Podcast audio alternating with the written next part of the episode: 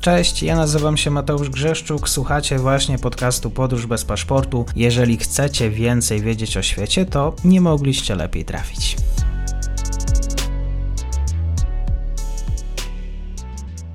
Dzień dobry wszystkim słuchaczom. Mam dzisiaj wielką przyjemność po raz kolejny gościć na kanale. Ze mną jest dr Jerzy Oleński z Instytutu Bojma. Dzień dobry panie doktorze, bardzo mi miło.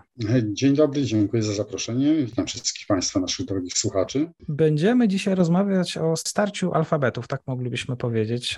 Zaproponowałem panu doktorowi temat, podesłałem newsa o tym, że Kirgistan decyduje się na to, żeby zmienić alfabet, przejść na alfabet łaciński, właściwie Tutaj ta kwestia była ostatnio dyskutowana. Y, naukowcy, akademicy z różnych republik turkijskich e, stwierdzili, że no tutaj rzeczywiście Kirgistan przejdzie na ten alfabet y, łaciński. Pan doktor wspomniał o tym, że Kirgistan jest na samym końcu, jeżeli chodzi o te zmiany. Oczywiście pewnie powinniśmy przede wszystkim wiązać to, że te wszystkie kraje były republiki, Kazachstan, y, Turkmenistan, chcą może w jakiś sposób symbolicznie zerwać swoją sowiecką przeszłością. Jak jest, panie doktorze? Poniekąd tak. Tu warto taki rys historyczny przedstawić. Generalnie cała Azja Centralna, będę mówił w uproszczeniu, żebyśmy się nie bawili w te różne y, kwestie etniczne, drobne. Cała Azja Centralna to jest w zasadzie sfera wpływów y, irańskich i arabskich, czyli język, który był, którym się posługiwano. Były to języki lokalne, wywodzące się z języków turkijskich, należące do grupy języków turkijskich, popularnie zwanych językami tureckimi, co nie do końca jest prawidłowe. E, natomiast alfabet była to modyfikacja alfabetu arabskiego z właśnie takimi naleciałościami irańskimi. To było w powszechnym użyciu na praktycznie w całej Azji Centralnej i tak było jeszcze Rosja carska opanowała te rejony, 2022 roku.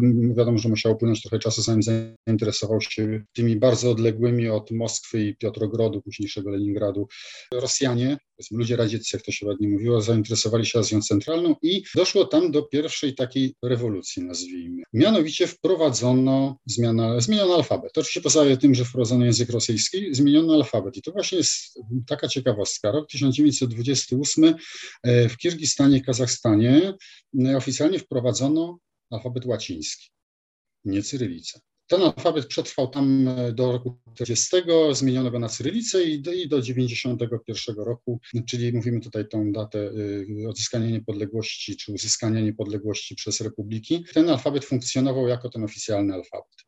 I mamy mówić o tym, że Kirgistan jako jeden z e, krajów Azji Centralnej przechodzi na alfabet łaciński. I to jest właśnie ta ciekawostka, że tak naprawdę w całej tej historii tych ludów alfabet łaciński był tam obecny przez co nieco ponad 10 lat. Więc y, naturalną koleją rzeczy wydawało się, że powrót będzie raczej w kierunku tego tradycyjnego, historycznie uwarunkowanego alfabetu irańsko-arabskiego. Na pewno to, co Pan wspomniał, istotną sprawą w momencie odzyskiwania niepodległości jest symbolika. Symbolika, która jednoczy da, dany naród, daną nację. Godło, wiadomo, hymn, ale też monety, prawda, i język, alfabet i tak dalej, i tak dalej. Problem polega na tym, że ostatnie od 40 roku do 90, czyli ostatnie, powiedzmy ostatnie, no, połowa, połowa wieku y, rządził tam język rosyjski, cyrylica i w zasadzie te kraje są bardzo silnie powiązane tym właśnie przedmiotem. Dodatkowo, pomimo uzyskania niepodległości, 30-lecie mijało w zeszłym roku, nadal ten język jest obecny, nadal cyrylica jest obecna i wiodąca w tych krajach i wynika to również po części z wpływów rosyjskich.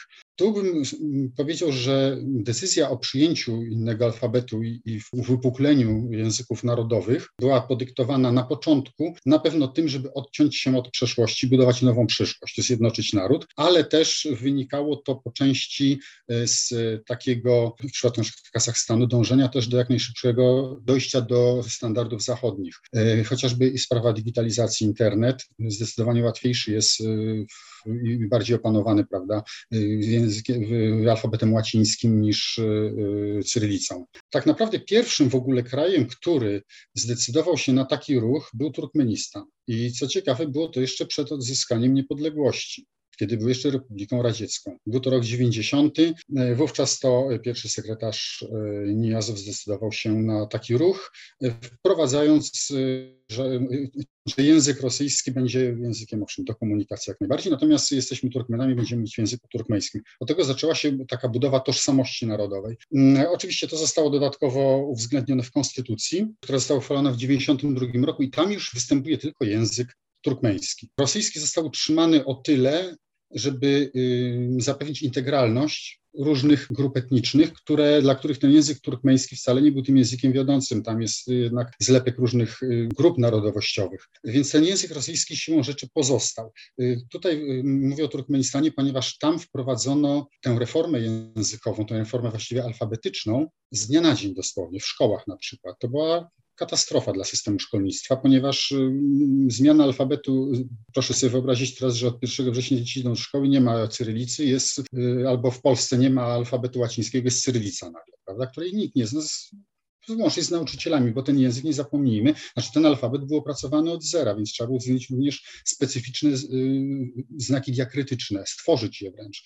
Takim przykładem jest właśnie Kirgistan i Kazachstan, gdzie, gdzie powstało mnóstwo różnych takich innowacyjnych, można powiedzieć, znaków charakterystycznych tylko dla danego alfabetu. Turkmenistan tę reformę przeprowadził, jest rok 92, kolejne lata, do dnia dzisiejszego, 93 właściwie ta reforma weszła językowa i do dnia dzisiejszego język rosyjski jest powszechny powszechnym użyciu i w zasadzie nie dało się tego usunąć. Mhm. Także była to, krótko mówiąc, jest to, jest to swojego rodzaju porażka. Drugim krajem był kraj Uzbekistan, najbardziej chyba kraj niezależny od Rosji. Zresztą polityka ówczesnego prezydenta, już nieżyjącego Islama Karimowa, była zdecydowanie antyrosyjska, więc on jak najbardziej był tutaj zwolennikiem usunięcia cyrylicy, wprowadzenia alfabetu łacińskiego i oczywiście degradacji języka rosyjskiego do języka, który, który nie jest językiem urzędowym.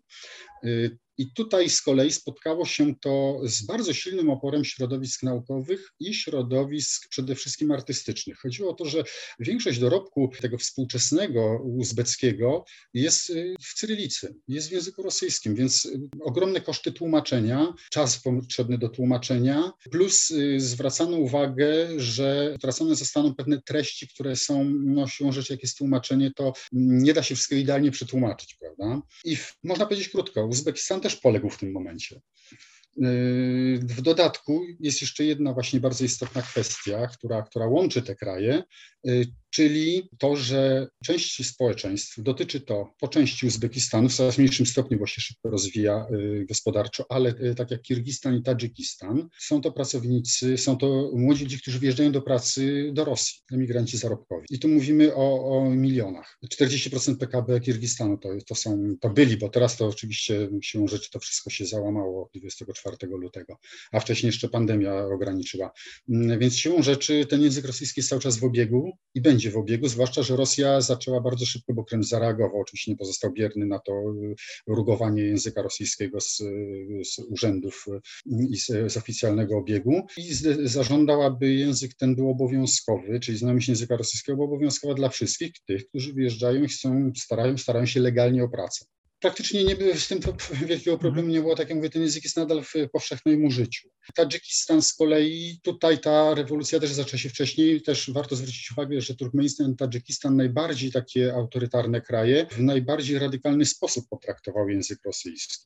Tam również nie, pomimo tej, tych wprowadzania różnych obostrzeń mm, i nawet y, takim charakterystycznym, chyba najbardziej symbolicznym przykładem jest zmiana nazwiska prezydenta Rahmonowa w 2005 na prezydenta Emomali Rahmon, czyli to odrzucenie tego owu jako takiej rus, rusyfikacji. Oczywiście w, też wprowadzono z dnia na dzień, można powiedzieć, jak to zwykle w krajach autorytarnych, że językiem urzędowym jest język y, tadżycki, koniec, kropka. Wszystkie dokumenty języku rosyjskim mają zniknąć, więc ta mniejszość rosyjska, która tam zamieszkiwała, znalazła się w bardzo trudnej sytuacji, bo po prostu nie znała tego języka w ogóle tadżyckiego. To zresztą spowodowało duży eksodus y, y, tej mniejszości rosyjskiej z Tadżykistanu, fakt, że przyczyniła się też do tego ta trwająca pięć lat wojna domowa.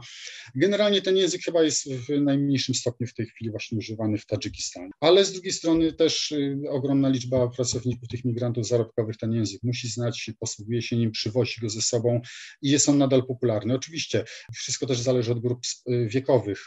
Im starszy część społeczeństwa, tym ten język rosyjski jest w powszechniejszym użyciu. Młodzi ludzie już posługują się tym alfabetem łacińskim. No, też znajomość angielskiego stopniowo, to jest nadal marginalne, ale stopniowo wzrasta, więc jest im jakby łatwiej. Oczywiście wycofano też z obiegu ze szkół język rosyjski, pomijam tej szkoły y, rosyjskojęzyczne i co właśnie bardzo ciekawe, w Turkmenistanie na przykład, gdzie, gdzie szkoły są albo dwujęzyczne, albo jednojęzyczne, czyli, czyli mniejszość szkół które mają język turkmeński, albo język rosyjski i okazuje się, że właśnie te, które uczą w języku rosyjskim wyłącznie są najwyżej cenione i są to szkoły płatne, niewielu zresztą Turkmenów na to stać.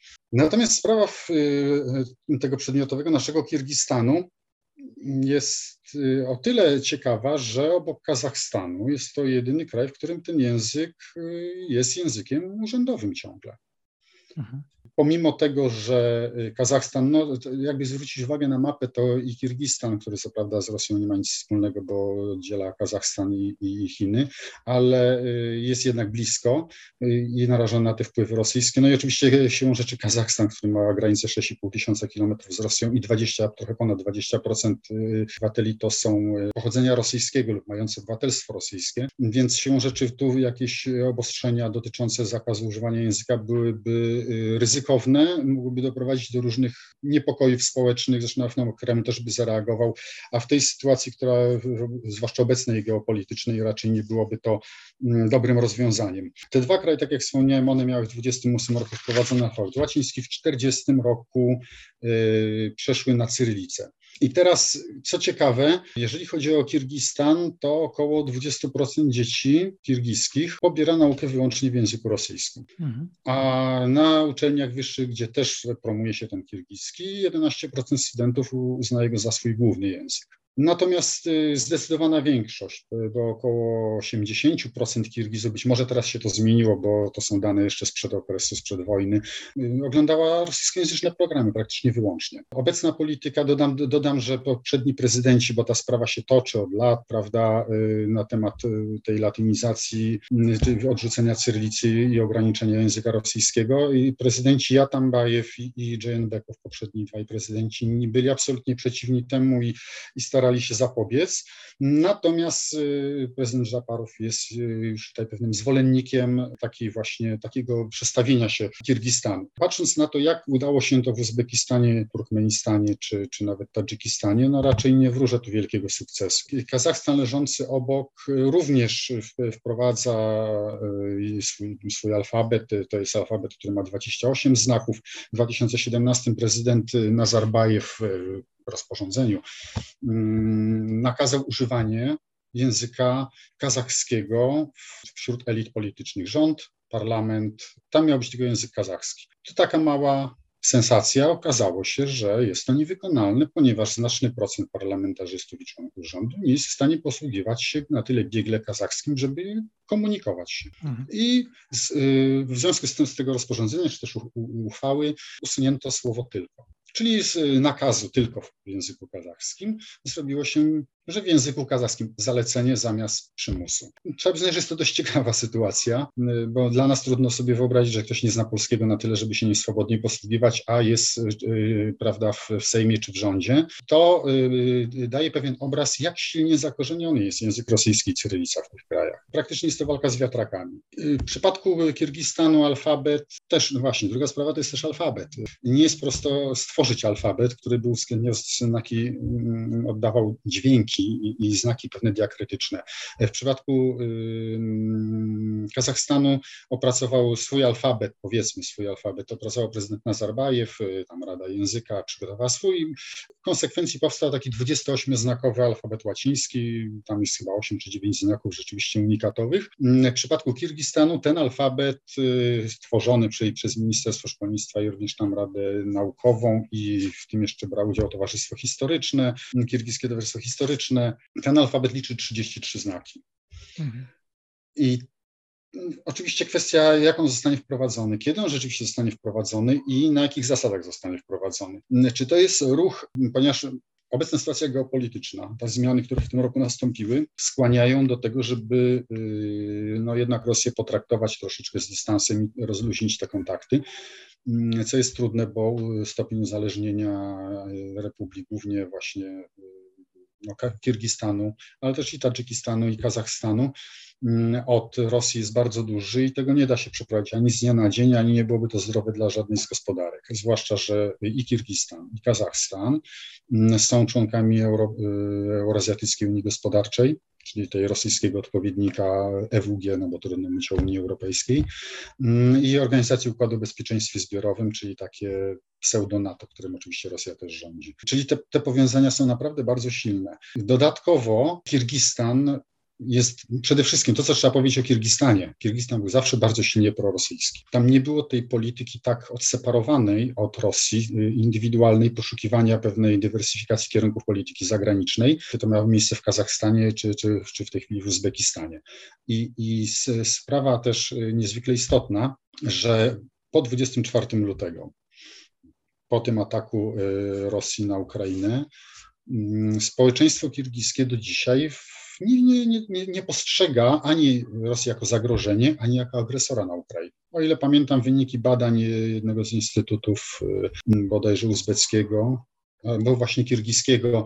Mm, mówią o 17% e, Kirgizów, którzy winią Rosję za wojnę i mm, kilkadziesiąt procent tam jest około 40 wini Ukrainę.